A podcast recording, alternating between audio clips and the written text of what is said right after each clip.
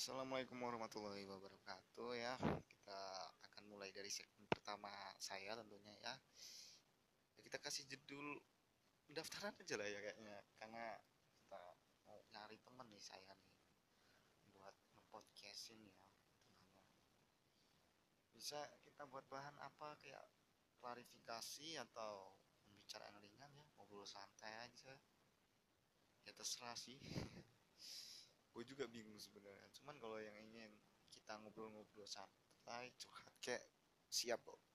Saya siap mendengarkan tentunya. Oke langsung aja kita terima.